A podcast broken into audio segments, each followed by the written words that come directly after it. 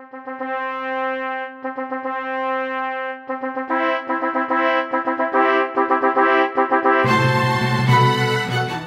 כאן גיא קורן עם הפודקאסט "אני מלכה גרושה באושר". נדבר על אהבה, אהבה עצמית, זוגיות, יחסים, גירושים, פרק ב'. אני מטפלת, מרצה, מאסטר NLP, אשת תקשורת, סופרת, ובעיקר אופטימית חסרת תקנה. המוטו שלי בחיים הוא אני לא מלכה את עצמי, אני מלכה בעצמי. אני מדברת בלשון נשית, אבל גברים מוזמנים בשמחה, כי הכל נכון גם כשזה הפוך. אז בואו נתחיל.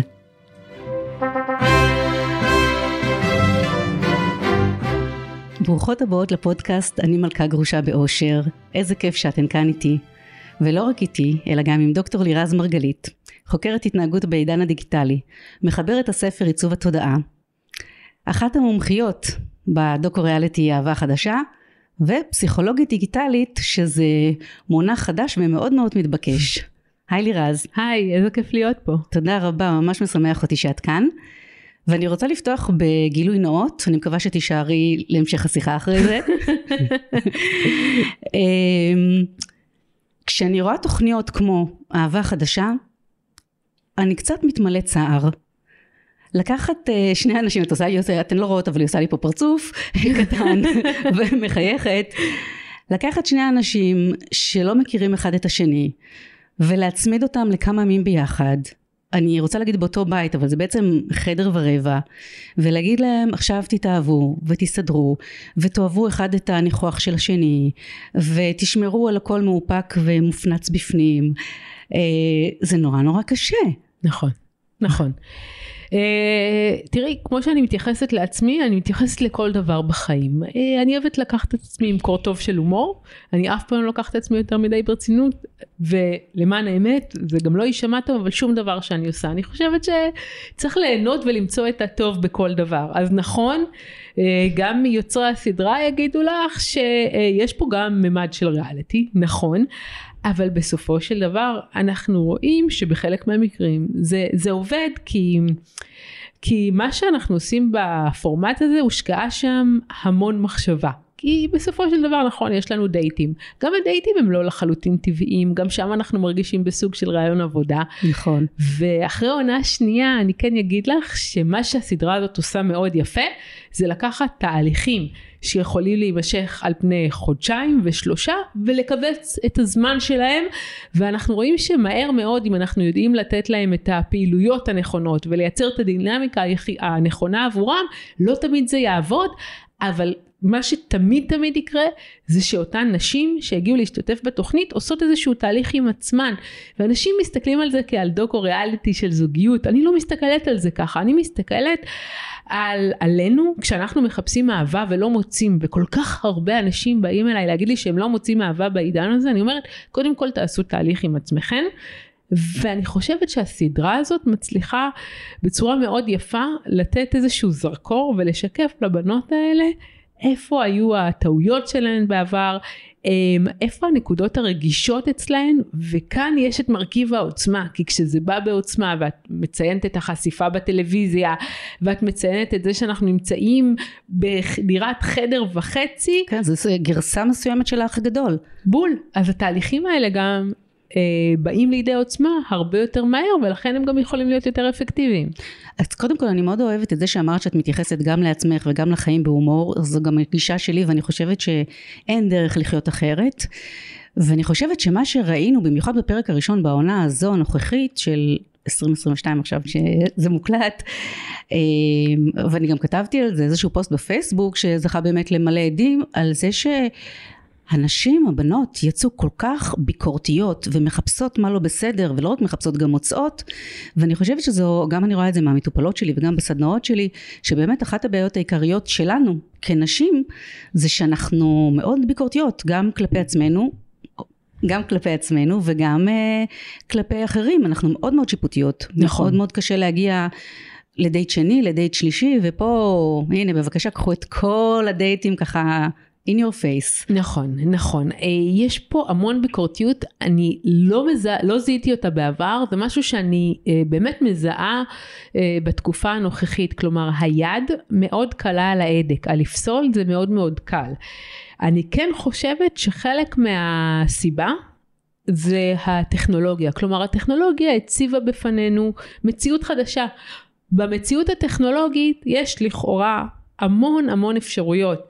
ובמציאות הטכנולוגית הפרופילים שאנחנו רואים באפליקציות היכרויות הם הפכו להיות כמו מוצרים באמזון ואם אחד לא עובד זה כל כך זול שזה לא בעיה להחליף אותו ולקחת חדש.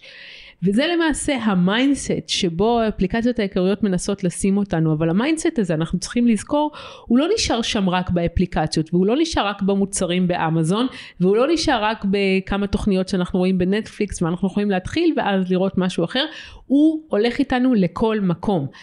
אז היום יש איזשהו, אה, יש איזושהי תחושה שיש כל כך הרבה מגוון, ועד שאני לא אמצא את המושלם, אין לי טעם להמשיך ולנסות. כן, זה, זה נכון, אבל עד שאת מוצאת את המושלם, יש הבדל בין עד שאת מוצאת את המושלם לבין מי שההפקה בחרה אותו בשבילך על סמך א', ב', ג' ומכניסה אותו אז כאן מגיע האני מאמין שלי, והאני מאמין שלי שאין מושלם. ואני תמיד אומרת אה, לבנות, לנשים, צאו מהקונספט של האביר על הסוס הלבן או soulmate, אין דבר כזה, זה לא יקרה. אני אתן לך רגע דוגמה לא מתחום הזוגיות. יש, אני מתעסקת המון בקבלת החלטות ובכלכלה התנהגותית. ואנשים מסתכלים על החיים שלהם כמו על צמתים של קבלת החלטה, והם בטוחים שאם יש להם שתי אופציות, מה שהם יבחרו, המסלול שבו הן תבחרנה, הוא יכריע את החיים שלהם, אבל כל פעם אני רואה שזה כל כך לא ככה. בסופו של דבר, אם אנחנו נבחר באחת הדרכים ולא נסתכל אחורה ונדאג שהדרך שבחרנו תהיה מדהימה ונעשה הכל כדי לדאוג, זה השלב הקשה, לא החלק של ההחלטה. ואותו דבר גם לגבי זוגיות.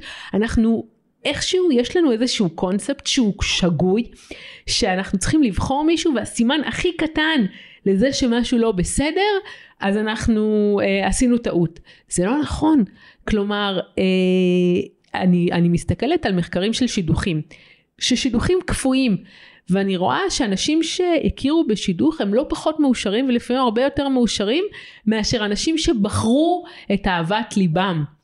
ויש פה איזושהי תחושה, בעיקר בחברה המערבית, שזוגיות זה דבר שלא צריך עבודה קשה, ואהבה כבר תתקן את הכל, וזה לא חושבת, נכון. את חושבת? כי אני שומעת המון שאומרות, וואי, זוגיות זה עבודה קשה. ואני דווקא אומרת שמה שנקרא, נכון לרגע זה אני בזוגיות מאושרת פרק ב', ואני אומרת, זה לא עבודה קשה, כי גם העבודה שלי, מה שאני עושה איתך עכשיו, זו גם עבודה שלי, ואני באה לזה בכיף, באהבה, באנרגיות, בשמחה. אז אולי הטרמינולוגיה קצת שגויה. פרק ב' זה גם קצת שונה. וכשאני מדברת על עבודה קשה, אני מדברת על פשרות ועל ויתורים. כלומר, יש לאנשים איזשהו רעיון שאם הם צריכים לבוא ולוותר נניח על העקרונות שלהם, זה, לא, זה משהו שהוא לא בסדר. ברור שזה בסדר, יש פה עניין של פשרות, פשרות כל הזמן. כלומר, עכשיו, לה, אני, אני לא יודעת כלומר עם מי את יוצאת אבל נניח אני רק מתארת לך סיטואציה. את יכולה לשאול אני אענה לך. אבל לא אני גם לא רוצה זה לא ענייני אני רק אומרת אני רוצה לתאר לך סיטואציה שבה נגיד בא לו נורא לצאת ולך לא בא לצאת. היום הקונספט הוא, טוב, אני צריכה לעשות רק מה שטוב לי. זה מין סוג של אינדיבידואליזם, אבל העבודה הקשה, אני שמה מרכאות פה, זה אומר, בסדר, הוא נורא רוצה לצאת היום, תוותרי. תעטי על עצמך את המסכה, את האנרגיות, תתלבשי, ואל תתני לו להרגיש כל הזמן שיצאת רק בגללו. וזה מה שקורה היום. נכון, אני, אני מעדיפה אפילו את המילה תתגמשי במקום תוותרי. אוקיי. אז, אז זה עושה לי, זה עושה לי להרגיש. יותר בנוח. אז זה טרמינולוגיה, אבל את מה שאמרתי עכשיו... והדוגמה שזה... שלך צדקת, זה ממש ככה. וזו דוגמה מאוד פשוטה, אבל אה, אני אומרת, זוגיות זה עניין של ויתורים. עכשיו, אני חייבת רגע קצת, רק כדי שנבין על מה אני מדברת, לקחת אותנו להיסטוריה. ובכלל, אה, בני אדם לא נולדו להיות מונוגמים. זה, זה לא נכון. בכלל, אה, אחוז מאוד גדול מהיונקים לא נועדו להיות מונוגמים. יש רק אחוז מאוד קטן שמסוגלים להסתדר ככה. ויותר אה, מזה, כשאנחנו מסתכלים על המנגנונים המוחיים שלנו, יש לנו איזשהו מוליך עצבי שנקרא דופמין. והדופמין תמיד יעלה עם פרטנר זוגי חדש כי האבולוציה רוצה שיהיה לנו כמה שיותר צירופים גנטיים. כמה שיותר צירופים גנטיים תורם לשרידות הצאצאים ולכן מבחינת האבולוציה כוחות האבולוציה שפועלים עלינו האבולוציה אה, תדאג שנתאהב כמה פעמים במהלך החיים ושנימשך לכמה פרטנרים שונים. עכשיו שיש בזה משהו מאוד מעודד כי אני שומעת נשים שאומרות בחיים לא התאהבתי או אני לא אתאהב עוד פעם אז זאת אומרת יש תקווה. יש המון תקווה כן זאת הבעיה שלנו זאת אחת הבעיות הגדולות של המציאות הנוכחית וגם של, של הגירושים כי אנשים ברגע שאבדה האהבה או התחושת הריגוש הם מחפשים כבר משהו אחר.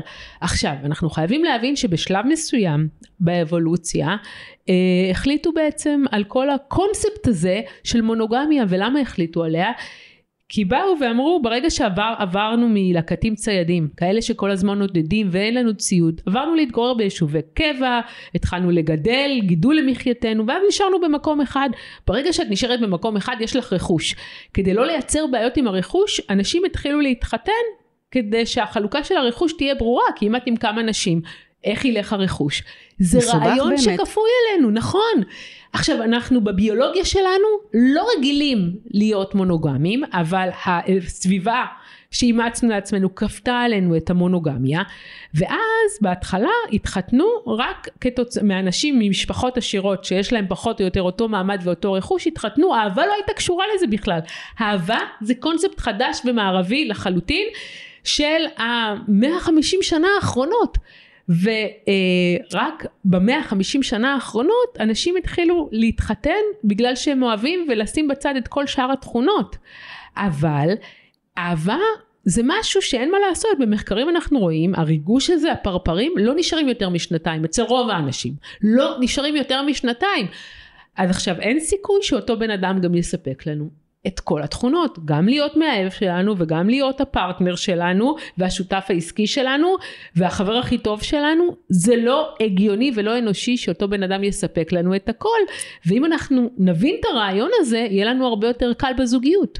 אז את פותחת פה איזשהו פתח לפוליאמוריה סלש לא. בגידות סלש ריבוי בני זוג מאהבים. לא ריבוי בני זוג, אלא אנשים שונים, גם חברות, גם נשים, נגיד, להיות החבר הכי טוב שלי, אני יכולה אישה שתספק לי את הצורך הזה, וריגושים אני יכולה להשיג במקום אחר. אוקיי, okay, את יודעת, את מזכירה לי ש...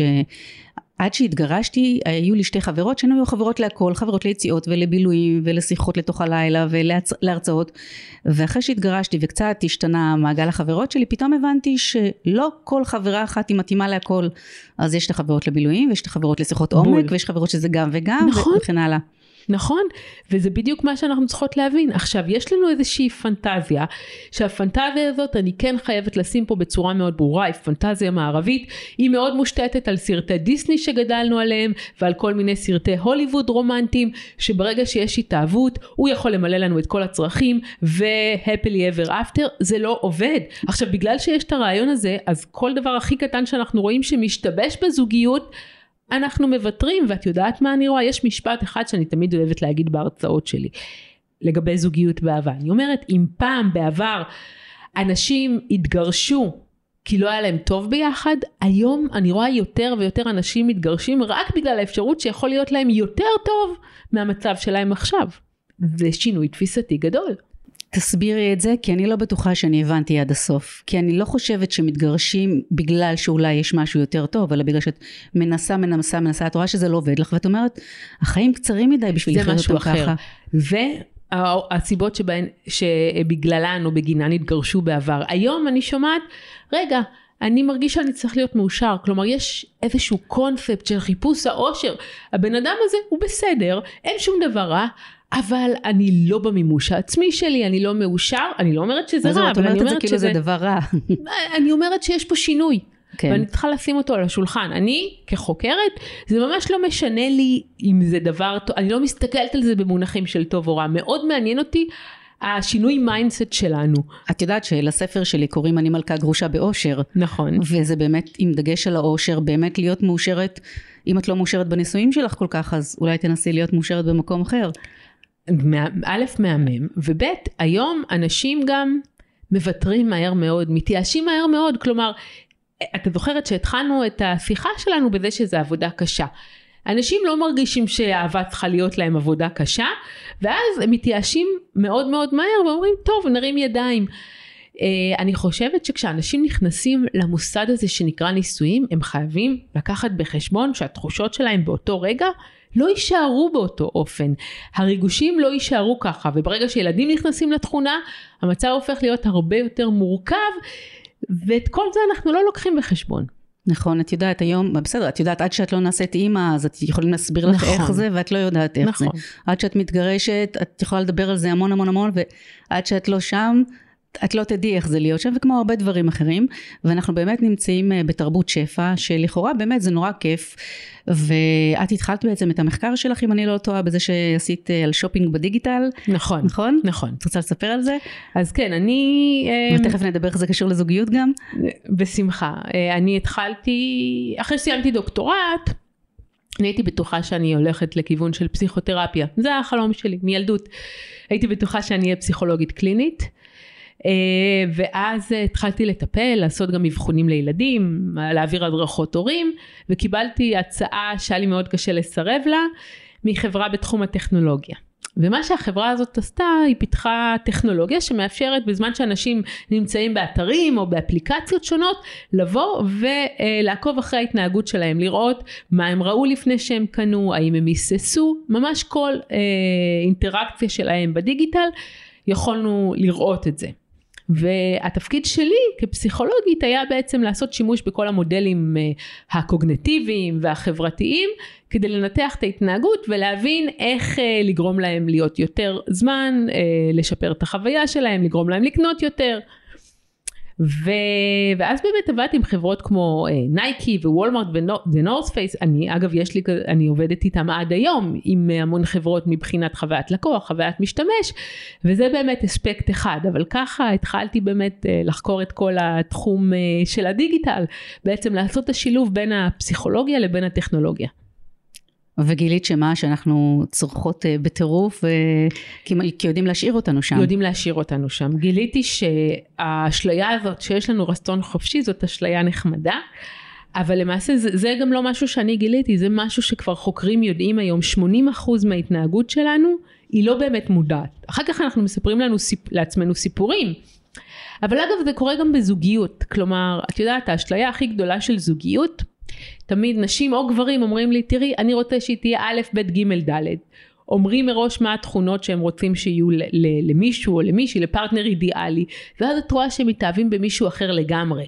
כי יש פה חלק רציונלי של מה שאנחנו חושבים שמתאים לנו, ובסוף מה שקובע במי נתאהב זה החלקים הלגמרי רגשיים, זה אפילו הריח שלו, או שפת הגוף שלו, או כל מיני וייבים שמאוד קשה לנו להכיל עליהם ניתוח רציונלי. בדיוק, בגלל זה אמרתי על אהבה חדשה, ועל תוכניות כאלה, חתונמי וכל מיני כאלה, שאת בעצם מפגישה שני אנשים, שיכול להיות שהחיוך שלו יזכיר לה את החיוך של האקס שלה. נכון. והצורה של הציפורן שלה תזכיר לו את אה, סבתא שלו, את אימא שלו, אה, וזה דברים שאי אפשר אה, לכמת אותם, אי אפשר לחשוב עליהם נכון. מראש.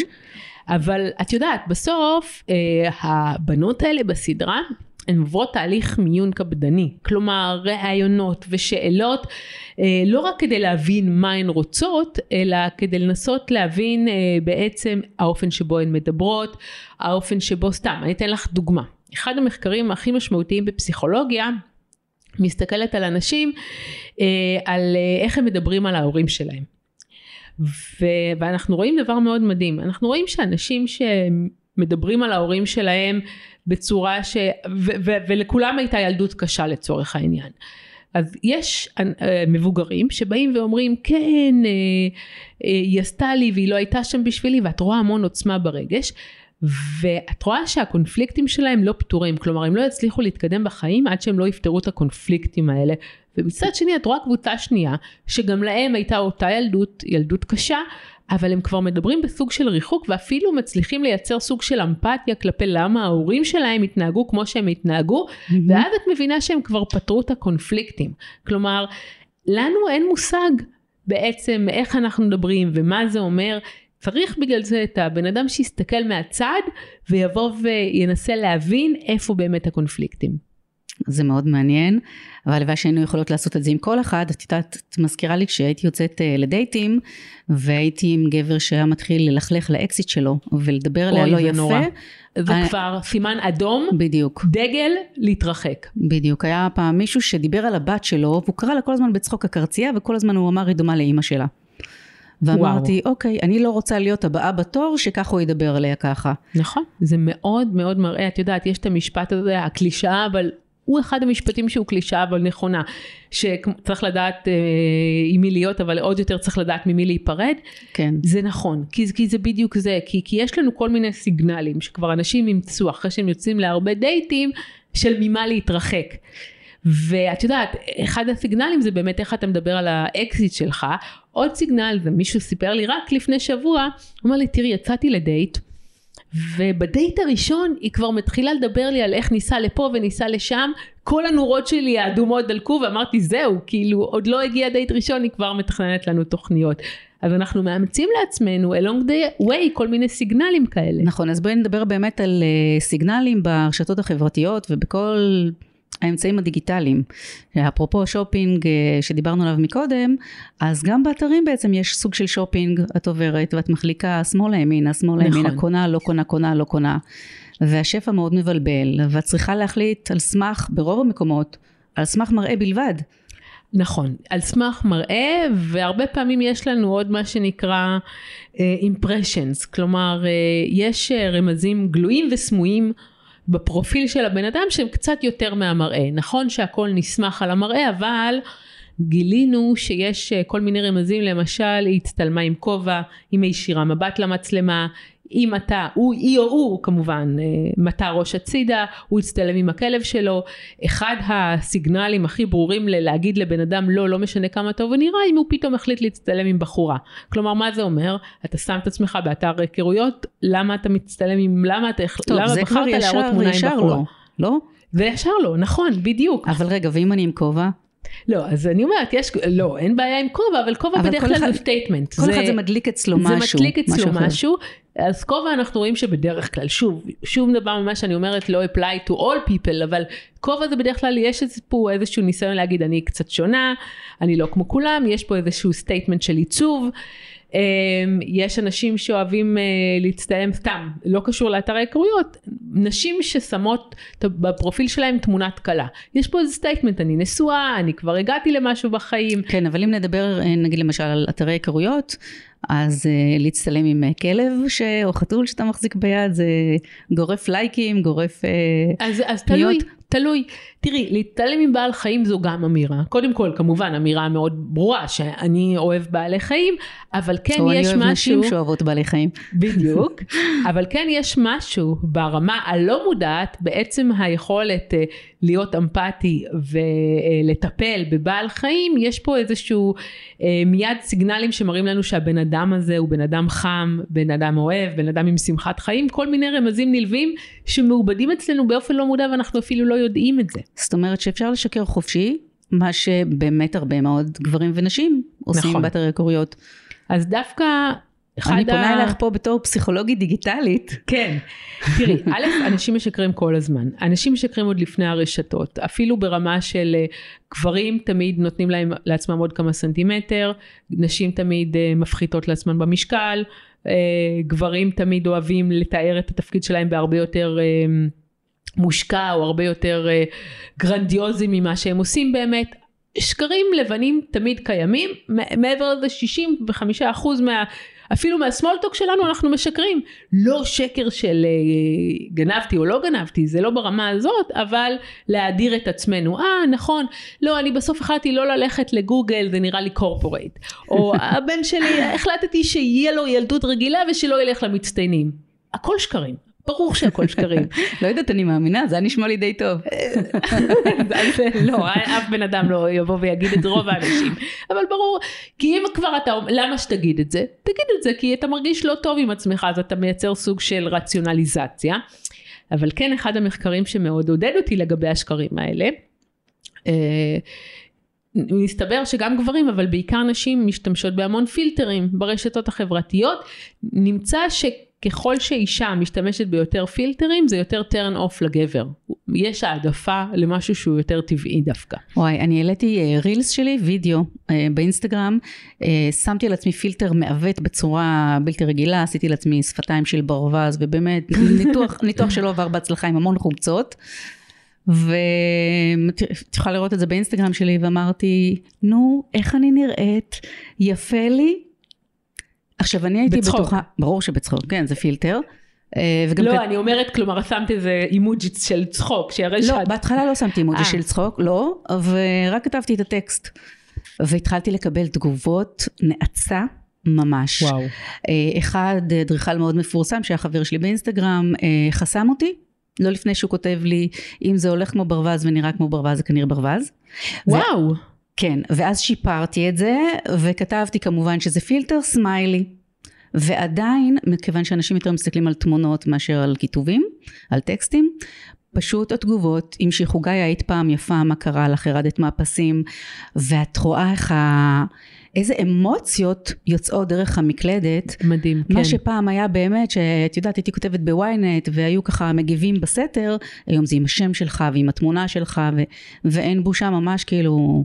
נכון, הסף. הסף אה, ירד משמעותית. אנחנו כל הזמן רואים ברשת, יש אה, אפקט בפסיכולוגיה שנקרא The Disinhibition Effect, אפקט הסרת העכבות. ואת רואה שברגע שאת לא רואה את הבן אדם, הרבה יותר קל לך, כל הרוע יוצא. עכשיו, לצערי, אני כן אגיד את זה שאנחנו אוהבים להיות רעים. יש בזה משהו מאוד נעים לאנשים, מאוד משחרר, מאוד עושה ונטינג. כי כשאנשים רעים, אין מה לעשות, זאת הפסיכולוגיה שלנו, אני מצטערת שאני צריכה להגיד את זה.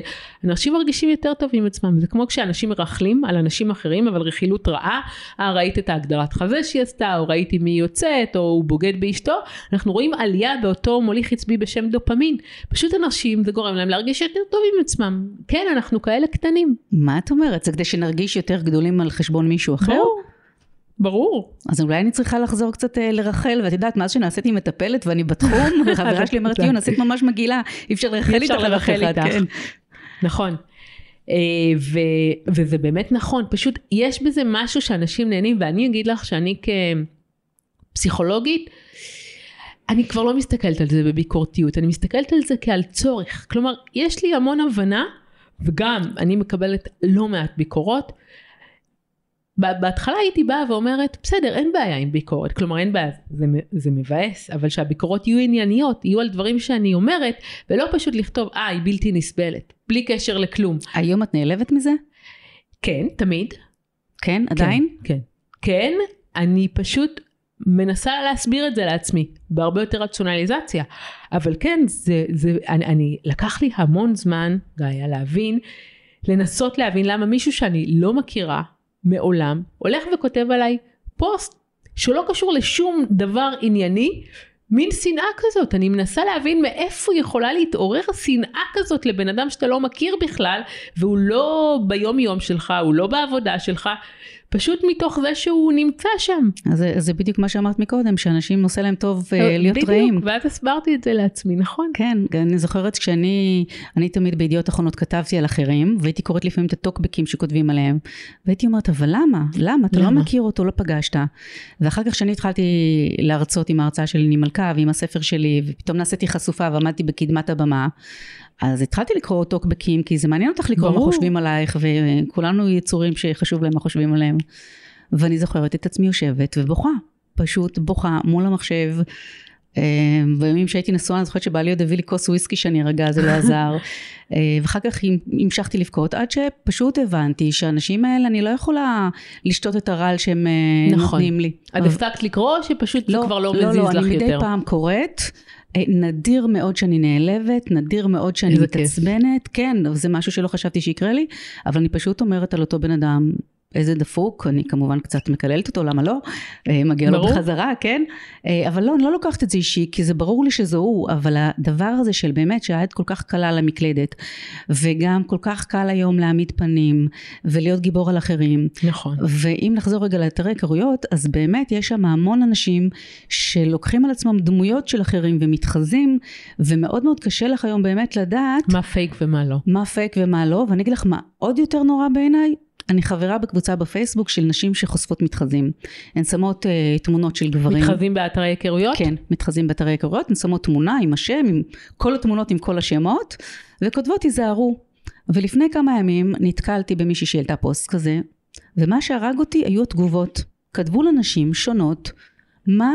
כנראה מישהו פתח בשמו עוד פרופילים, אני מכירה אותו, הוא מקסים, הוא מתוק. וואו. כן, ואני חשבתי לעצמי בלב, וואו, לחיים אתגר יש עוד המון עבודה. לגמרי, כן, כי את יודעת, אנשים תמיד, וזה, וזה משהו שמשגע אותי, אנשים תמיד מנסים לייחס להתנהגות של אחרים איזושהי, איזשהו תהליך חשיבה רציונלי. למרות שהרציונליות היא מאיתנו, ממנו והלאה. כלומר, רוב ההחלטות שאנחנו מקבלים, רוב ההתנהגות שלנו מונעת מרגש, ממה גורם לנו להרגיש טוב ברגע נתון. את יודעת, תמיד אני נותנת דוגמה של נטפליקס. נטפליקס שינו את מערכת הדירוג שלהם. בעבר כל פעם שראינו תוכנית הם היו אומרים תדרגו מ-1 עד 5 כוכבים, אה, בין 1 ל-5 כמה אהבת את התוכנית. ואז זה השתנה ל-thumbs up, thumbs down. ועכשיו זה השתנה שוב. ועכשיו זה השתנה שוב, רק גם, לאחרונה. יש שני, כן, שני thumbs up, thumbs כן. up, נכון. אבל זה ממש רק שינוי של הימים האחרונים. ו... ואז ראו שעם ה-thumbs up, thumbs down, אנשים, נטפליקס אה, מצליחים להבין הרבה יותר טוב את העדפות של האנשים, והם לא הצליחו להבין למה.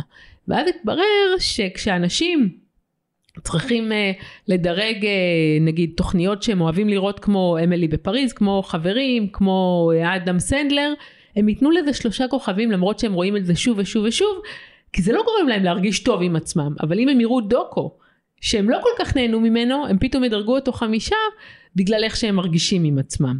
מעניין. והדוקו יגרום להם להרגיש, אה, אני בן אדם אה, אינטלקטואל וסופיסטיקייטד ורואה דוקו. כל דבר שאנחנו עושים למעשה, הוא בדרך כלל מונע מרגש. כלומר, עשינו איזה מחקר, Outbrain, הם עשו מחקר נורא יפה, הם ראו שאנשים מקדישים שעות ביום לקרוא תכנים של קרדשיאנס, הם לא ישתפו את זה בחיים. מה שהם ישתפו זה מאמר שהם קראו רק את הכותרת שלו, הוא נשמע חכם, וזה יגרום להם להרגיש טוב עם עצמם. מעניין, יפה.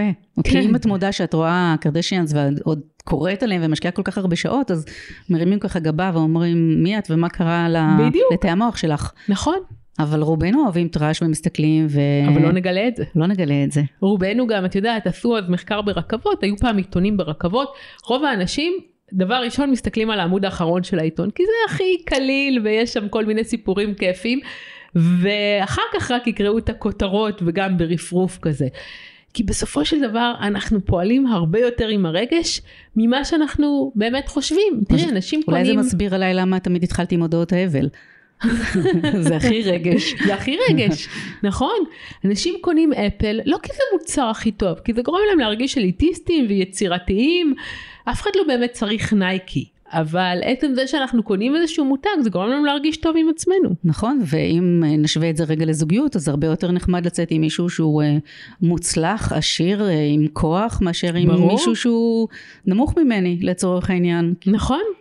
תראי זה, זה, זה קטע כי דיברתי עם עוד מישהו והוא אמר לי תראי אני חייב שהיא תיראה טוב ואני אומרת לו אבל כאילו בתמונה אני אומרת לו אבל תכיר אותה תראה, אתה יכול להיות שאתה תראה ויש לה אישיות מדהימה והיא תצחיק אותך ואתה לא יכול לפסול ככה. הוא אומר, לא, לא, אני חייב, אני חייב, משהו אצלי, אם היא לא נראית טוב, גורם לי להרגיש פחות טוב עם עצמי. שילך לטיפול. שילך לטיפול, אבל כולנו חושבים בצורה המאוד מאוד שטחית הזאת. נכון, תראי, אני חושבת שיש דברים שאנחנו עובדות עליהם ועובדים עליהם, ואני חושבת שהם לא במהרה השתנו, כי יש מין, את יודעת, מה שראינו בסרטים ובדיסני, נכון. אנחנו לא רואות את ה-happily ever after, כי אין happily ever after, זה, אנחנו חושבות שיש, ואנחנו רואות זוגיות ממה שראינו בבית אצל ההורים שלנו, והם היו לפי מה שהם ראו מההורים שלהם, וככל שנלך יותר אחורה, לפחות בדור שלנו, אז היה שידוכים, אה, וזה לא נכון. היה, לא היו מערכות יחסים מאושרות. אבל אז לא התגרשו, כי התחתנת ואת לא יכולה מ- נכון.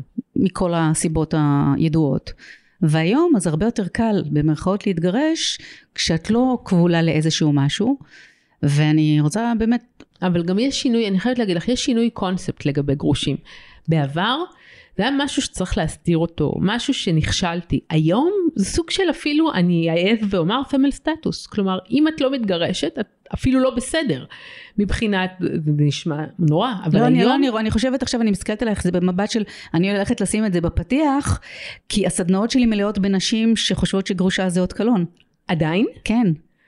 זה מאוד מפתיע אותי לשמוע את זה. מאוד מפתיע אותי. היום, באמת, זה נהיה דיפולט. אה, אני גרוש. כלומר, אני, אני אפילו רואה אנשים בהרצאות, בפודקאסטים, מציגים את עצמם, אני גרוש, וזה בסדר גמור, וזה לא היה ככה פעם. אני גרוש, לא אני גרושה. אני גרוש, נכון. יש בזה משהו הרבה יותר קל, לכאורה, מאשר להיות גרושה. כשאת גרושה, את איכשהו הופכת לפחות אטרקטיבית.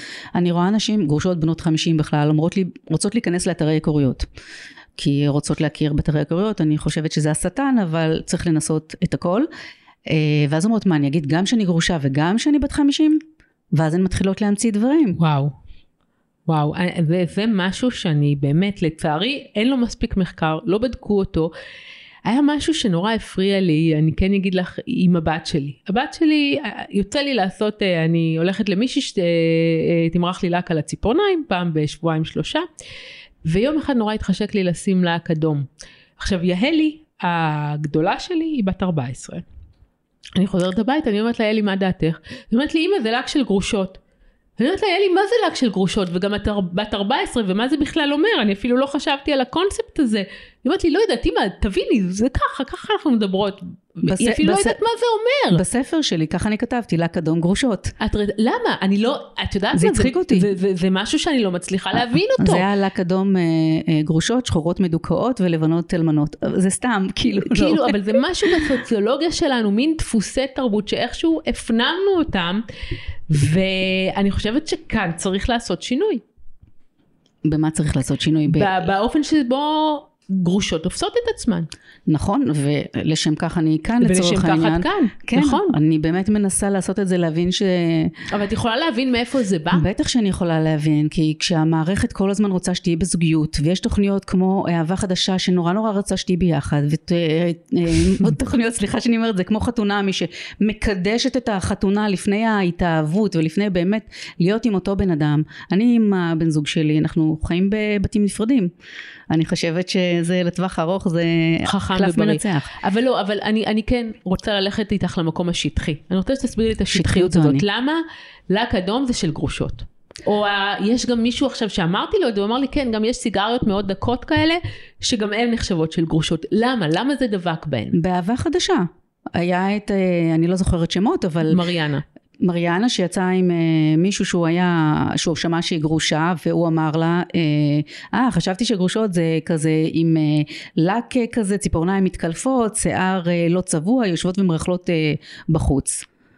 את מבינה? כשזאת הסטיגמה, כשיש אנשים שמלבים את הדבר הזה, אז את יוצאת החוצה. לא, זאת הסטיגמה, את זה אני יודעת, ואת זה אני מבינה. אני באמת לא מצליחה כן, to track the roots, כלומר להבין מאיפה השורשים של הסיפור הזה. מזה שפעם כשהתגרשת נחשבת לסחורה פגומה ויש את אלה שעדיין מקדשים את מוסד הנישואים לא משנה מה כמה שהוא יהיה הרוס ויראו תמונות נורא נורא יפות אה, בפייסבוק ובאינסטגרם אבל את יודעת שהמשפחה הזאת מתפרקת או לפחות אני יודעת כן אצלי בטיפול אנשים ואז יש את כל אלה שאומרים לא משפחה זה דבר נורא נורא יפה מה את מתגרשת? למה את מתגרשת? ואז את גם ככה את מלאה. אבל אם יש הערכה מחודשת לאנשים לא, שמתגרשים את... כי הם איפשהו הגשימו את עצמם.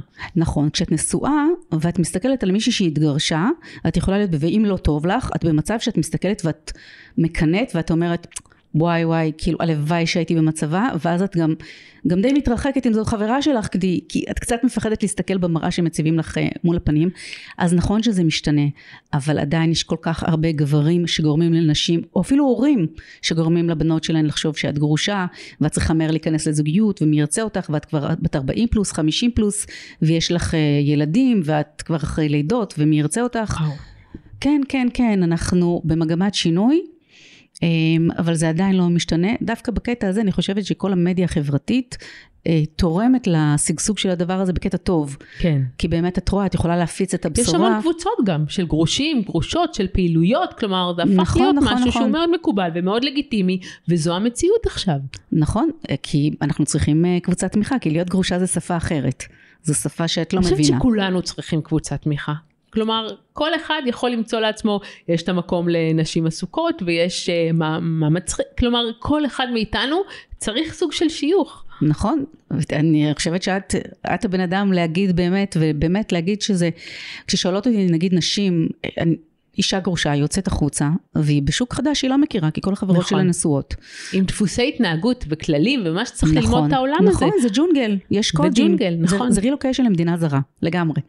ואז את צריכה באמת קבוצת תמיכה, את צריכה מישהי שמדברת בשפה שלך, שמבינה את הקודים התרבותיים, שמבינה את אופן הלבוש ואת הלק אדום גרושות, ושיכולה להפוך את זה לבדיחה, ולא לעלבון. ולא לעלבון, כן. נכון. וזה השינוי שעושים היום, ובאמת להצטרף לכל מיני קבוצות תמיכה, עם אמיתיות, או וירטואליות. ואגב, אני חושבת שכן, אה, אם נדבר באמת על אהבה חדשה, אני חושבת שמריאנה זה עוד איזשהו צעד מאוד קטן, אבל גם בלשנות את הסטיגמה. מריאנה היא ממש שונה מכל מה שהכרנו על בחורה גרושה. נכון, והיא ממש משמחת אותי, כי סוף סוף מביאים מישהי שהיא אחלה בחורה. והיא גם לא רוצה מהר לעבור לגור בתל אביב נכון, רק בגלל ש... נכון, והיא לא צריכה מישהו שיטפל בילד שלה. נכון, בדיוק, ו... והיא במשמורת משותפת, זאת אומרת, אה, כל הסטיגמות על גרושה תל אביבית לוהטת, שגם אני כתבתי את זה על עצמי בכריכה של הספר, אבל אף פעם לא גרתי בתל אביב, גרתי ברמת גן, הכי לוהט שלי זה היה כשאני עצבנית באוגוסט, אז בסוף הכל זה סטיגמות. נכון. נכון, תפיסות, ואני כן חושבת שהחברה יותר ויותר מתחילה להתנער מהן. דיברנו מקודם איך אתרי אינטרנט משאירים אותך בפנים, שתעשי נכון. שופינג. וזה טריק ידוע שגם אתרי היכרויות נועדו להשאיר אותנו בפנים ולא להוציא אותנו החוצה לזוגיות. שבעצם נכון. כל האתרים האלה זה סוג של משחק מחשב. לגמרי יש שם גמיפיקציה. אה, כשאנחנו מסתכלים על אתרים, המודל העסקי שלהם, אם נחשוב על זה, אין שום אינטרס שאנחנו נכיר. כי ברגע שנכיר אנחנו נצא מהאפליקציה, ולכן יש מודלים או אלגוריתמים מאוד מתוחכמים שמחליטים כל כמה זמן הם יראו לך מישהו שיכול להיות לך במאץ'. הם יעדיפו לעורר תחושות אחרות מאשר תחושת הצורך להכיר, הם יעדיפו לעורר את מה שנקרא פובו. פובו זה ה-fear of better options. אם בעבר דיברנו על הפומו, על ה-fear of missing out, הפובו זה סוג של פחד, או אפילו סוג של חרדה החרדה מעוד אפשרויות, כלומר ברגע שיש יותר אפשרויות, במקום להתמקד בבחירה שעשיתי, אני תמיד מתמקד בכל הבחירות ש, שיכולתי לעשות ולכאורה פספסתי אותן, והאתרים מנסים לייצר את האשליה הזאת. עכשיו הם גם נוקטים בכל מיני דרכים יותר מתוחכמות, כי הרבה אנשים נגיד התייאשו מהאפליקציה, עוזבים אותה לשבוע, ואז פתאום מתחילים לקבל מאצ'ים שהם בדיוק אה, מתאימים לטעם שלהם, כלומר האפליקציות יודעות בדיוק מה יהיה לנו נכון, אבל הרבה פעמים מעדיפות לתת לנו להישאר בחיפוש. כי המודל הכי רווחי שלהם זה שנחפש כמה שיותר. זה כל כך מדכא מה שאמרת עכשיו. כן. כי אנחנו אומרות, טוב, אז איפה נכיר? ניכנס לאתרי היכרויות, אבל באתרי היכרויות, כל מי שאת רואה, זה משהו שהוא קצת מרמה ומשקר כדי להרגיש יותר טוב עם עצמו, אמ, או שהוא נמצא בכל האתרים, או שהוא רק כותב היי, או שהוא עושה קופי פייסט להודעה שלו, או ש... מה שנקרא כל התשובות נכונות. או שהרבה פעמים ההיכרויות שם לפחות זה סטוצים, זה לצורך סטוצים ולא לצורך קשר רציני. כן, רוב אתרי ההיכרויות האלה זה היכרויות ללילה אחד, אבל הרבה פעמים אה, גם יוצא מזה דברים נכון, נפלאים. נכון, נכון, יש לא מעט זוגות כן, שהתחתנו. כן, כן, יש זוגות שהתחתנו מטינדר, מג'יי קיים עדיין, כן, ג'יי דייט, נכון? קיופיד, במבל. נכון. אה, וכל באמת, כל אתר כזה מנסה להמציא את הגלגל מחדש. טוב, מה, מה אני חושבת על אתרי היכרויות, אני חושבת שאפשר להבין, אה, אבל עכשיו את אומרת שלא מספיק כל זה, אז הם רוצים להשאיר אותנו בפנים, למרות שהם בעצם יכולים תכלס לנתח בדיוק אה, את מי אני אוהבת, מה אני אוהבת, איזה צבע, כמה אני מוציאה על דברים. וברגע שאת תעזבי, הם פתאום ייתנו לך מאצ'ים. כן? ככה כן. זה עובד? כן. נכון, מישהו פעם אמר לי שצריך לצאת, לסגור את החשבון ואז להיכנס עוד פעם. אפילו לא לסגור את החשבון, לא להיכנס לחשבון שבוע וחצי, שבועיים. איזה יופי. יש לך עוד סודות שאפשר לגלות כאן? תראו, אה, כן, אה, צריך לראות, גם כשאנחנו עושים למישהו אה, הזזה ימינה או הזזה שמאלה, אז כל הזמן אה, בודקים את הטעם שלנו, את העדפות שלנו, אה, על מה אנחנו מסתכלים, אפילו ברמה של כמה זמן הקדשנו להסתכל על כל פרופיל לפני שהחלטנו לאן לשים אותו. ועדיין יכול... ממשיכים להראות את אותם פרופילים. ועדיין ממשיכים להראות את אותם פרופילים, כי כרגע אם הם אימא שלהם, לפחות בהתחלה, זה לא מעניין אותם, הם לא יראו לך את המאצ'ים, אבל אם הם רואים שיותר קשה להשיג אותך, הם יחזירו אה, אז להיות בעצם את בסדר. מדברת על זוגיות רגילה, על משחק, משחק החיזורים. זאת אומרת, אם הוא רואה שאת לא רוצה אותו, אז. הוא ירצה, ואם את רוצה ואת נעשית נידית, אז הוא ביי ביי, להתראות. נכון, המשחק הזה אפליי לכל דבר בחיים. יאללה, תקשיבי, זה, זה עצוב ו- ומשמח. גם ככה אנחנו כל כך בררניות ושיפוטיות וביקורתיות, אז האפליקציות האלה עוד יותר גורמות לנו להיות בעצם אה, לבד. נכון, ותראי היום אני יודעת לפחות אצל הצעירים הם הרבה פחות נמצאים באפליקציות האלה, אה, הדרך עכשיו היום הכי פופולרית להכיר זה דרך האינסטגרם דווקא, שזו גם אה, אפליקציה. אבל לא Mhm. להיכרויות. אבל היום הכל. היכרויות, גם פייסבוק זה לא להיכרויות ומלא נכון, התחלות שם. נכון, נכון, נכון. צודקת. לפני כמה שנים אה, עלה לארץ אתר שנקרא יש לי מדיסון, את זוכרת אותו? אה בטח. אז אה, הוא הגיע לארץ, זה אתר שהוא לו אה, 37 מיליון משתמשים בכל העולם, כמעט 200 אלף מהם בישראל. נכון, כמו- אז שהוא נפרץ. כן, אחרי כמה שנים הוא נפרץ, אחרי איזה שנתיים. ועשיתי כתבה למוסף שבעה ימים על האתר, התחזיתי, הייתי בת 42, כתבתי שאני בת 32, קראתי לעצמי שיר, שיניתי את ה... הוספתי לעצמי 10 סנטימטר, הורדתי 10 קילו, את יודעת, כן, בלי כן. תמונה את יכולה להגיד מה שאת מה רוצה על. עצמך ולהמציא את עצמך. אה, והתחלתי מלא גברים נשואים, זאת אומרת כי יש שם רק גברים נשואים. המוטו של האתר הזה זה נעלו רומן חיים קצרים. קליט. והוא גם, אני חושבת זה היה האתר הראשון שהוא הודה שהוא אתר בגידות, נכון. ולא אתר לאהבה. ולא אתר לאהבה. זו נכון. פעם ראשונה שמישהו באמת ככה החזיק את הדגל. אגב, לא נפגשתי עם אף אחד הקולע בהתכתבויות. אה, פגשתי שם אה, כל מיני אנשים שאני מכירה, שהם לא ידעו מי אני מהצד השני. ואת זיהית אותם? כן, אני זיהיתי אותם, גם שלחו לי תמונות, טלפונים, אה. הזמינו אותי להיפגש, כל מיני תמונות. כן.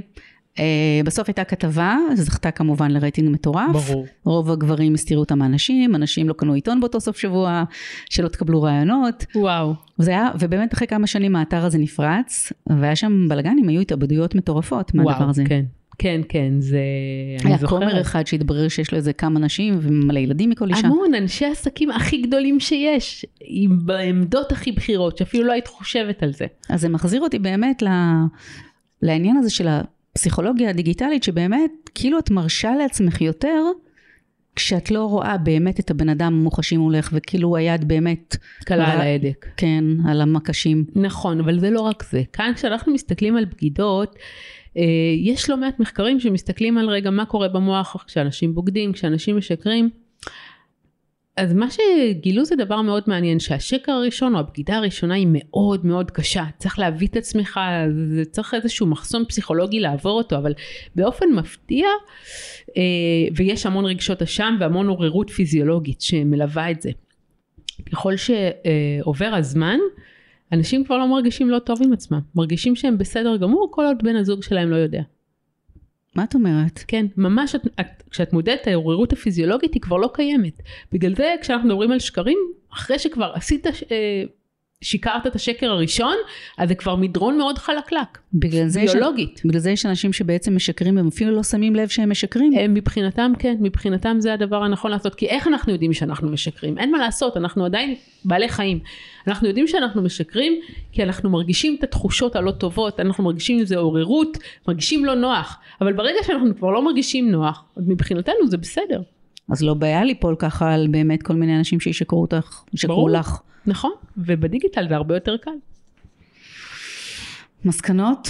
מתי אה, נופל לנו פה איזה מטאור ומשמיד לנו את כל הדיגיטל? אז אני חושבת שיש בו גם המון דברים חיוביים, יש בו, תראי, עד הדיגיטל, מה שראינו לגבי היכרויות של אנשים, שאנשים הכירו אה, אנשים שמאוד מאוד דומים להם, אפילו גנטית. תראי, עשו מחקר מאוד מעניין בביולוגיה, הסתכלו על המון זוגות נשואים, וראו דבר, שני דברים מאוד מעניינים. א', רובם הכירו אה, בלימודים, ודבר שני שהם ראו שמתוך אה, DNA, מתוך הגנום של בן אדם אחד, אפשר לחזות 80% מהגנום של הבן אדם השני. מבחינת גובה, אינטליגנציה, משקל, כל התכונות היו מאוד מאוד דומות, לא היה diversity כשאנשים הכירו בלי האפליקציות. האפליקציות, בגלל שאין שם את כל המקום הזה שאנחנו לומדים ביחד או נמצאים באותה סביבה, מאפשר יותר diversity בהיכרויות. את רואה הרבה יותר אנשים שמעולם לא היו נמצאים ביחד, בגלל שהאפליקציה מאפשרת, הזאת, מאפשרת את זה, הם נמצאים ביחד. יפה, זה ממש מעניין הדבר הזה, באמת, של להכיר בלימודים, ואחרי זה גם אומרים לך, וואי, נעשה דומה לבן זוג שלך, נכון. נעשה דומה לך. אמ, את חושבת שאפשר לגרום לשני אנשים להתאהב באופן מלאכותי? כן, כן, גם יש אה, את הלבלב, אה, את ה... ניסו לראות אם אפשר לגרום לאנשים להתאהב. לבלב, מעבדת אהבה? וזה של ג'ון גודמן שהוא באמת רוצה לנבא מה הסיכוי שקשר יצליח זה דבר אחד אבל דבר שני יש מחקר משנות ה-70 מאוד מעניין שניסו לאנש, לראות אם אפשר לייצר אהבה באופן מלאכותי באהבה, במעבדה עם שני סטודנטים והם הצליחו לעלות על איזשהו פרוסס שבו קודם כל הם גילו שאהבה זה הרבה עניין של, או התאהבות זה הרבה עניין של עוררות פיזיולוגית. אז הם נתנו לאנשים להיות על גשר, גשר שמאוד מעלה את החרדה שלהם, גשר מאוד גבוה ורעוע, ואז אה, ברגע שהם הלכו על הגשר הם העמידו שם סטודנטית אטרקטיבית. ומה שהם ראו שככל שהפחד היה יותר גבוה הם ייחסו את התחושות שלהם לסטודנטית ולא לגשר וזה משהו שהאיץ מאוד את האהבה ואז אמרו לאנשים אתה רוצה להתאהב אחרי חדר כושר או כל מצב שבו אתה נמצא באיזושהי סיטואציה, לך תטפס איתה על הרים.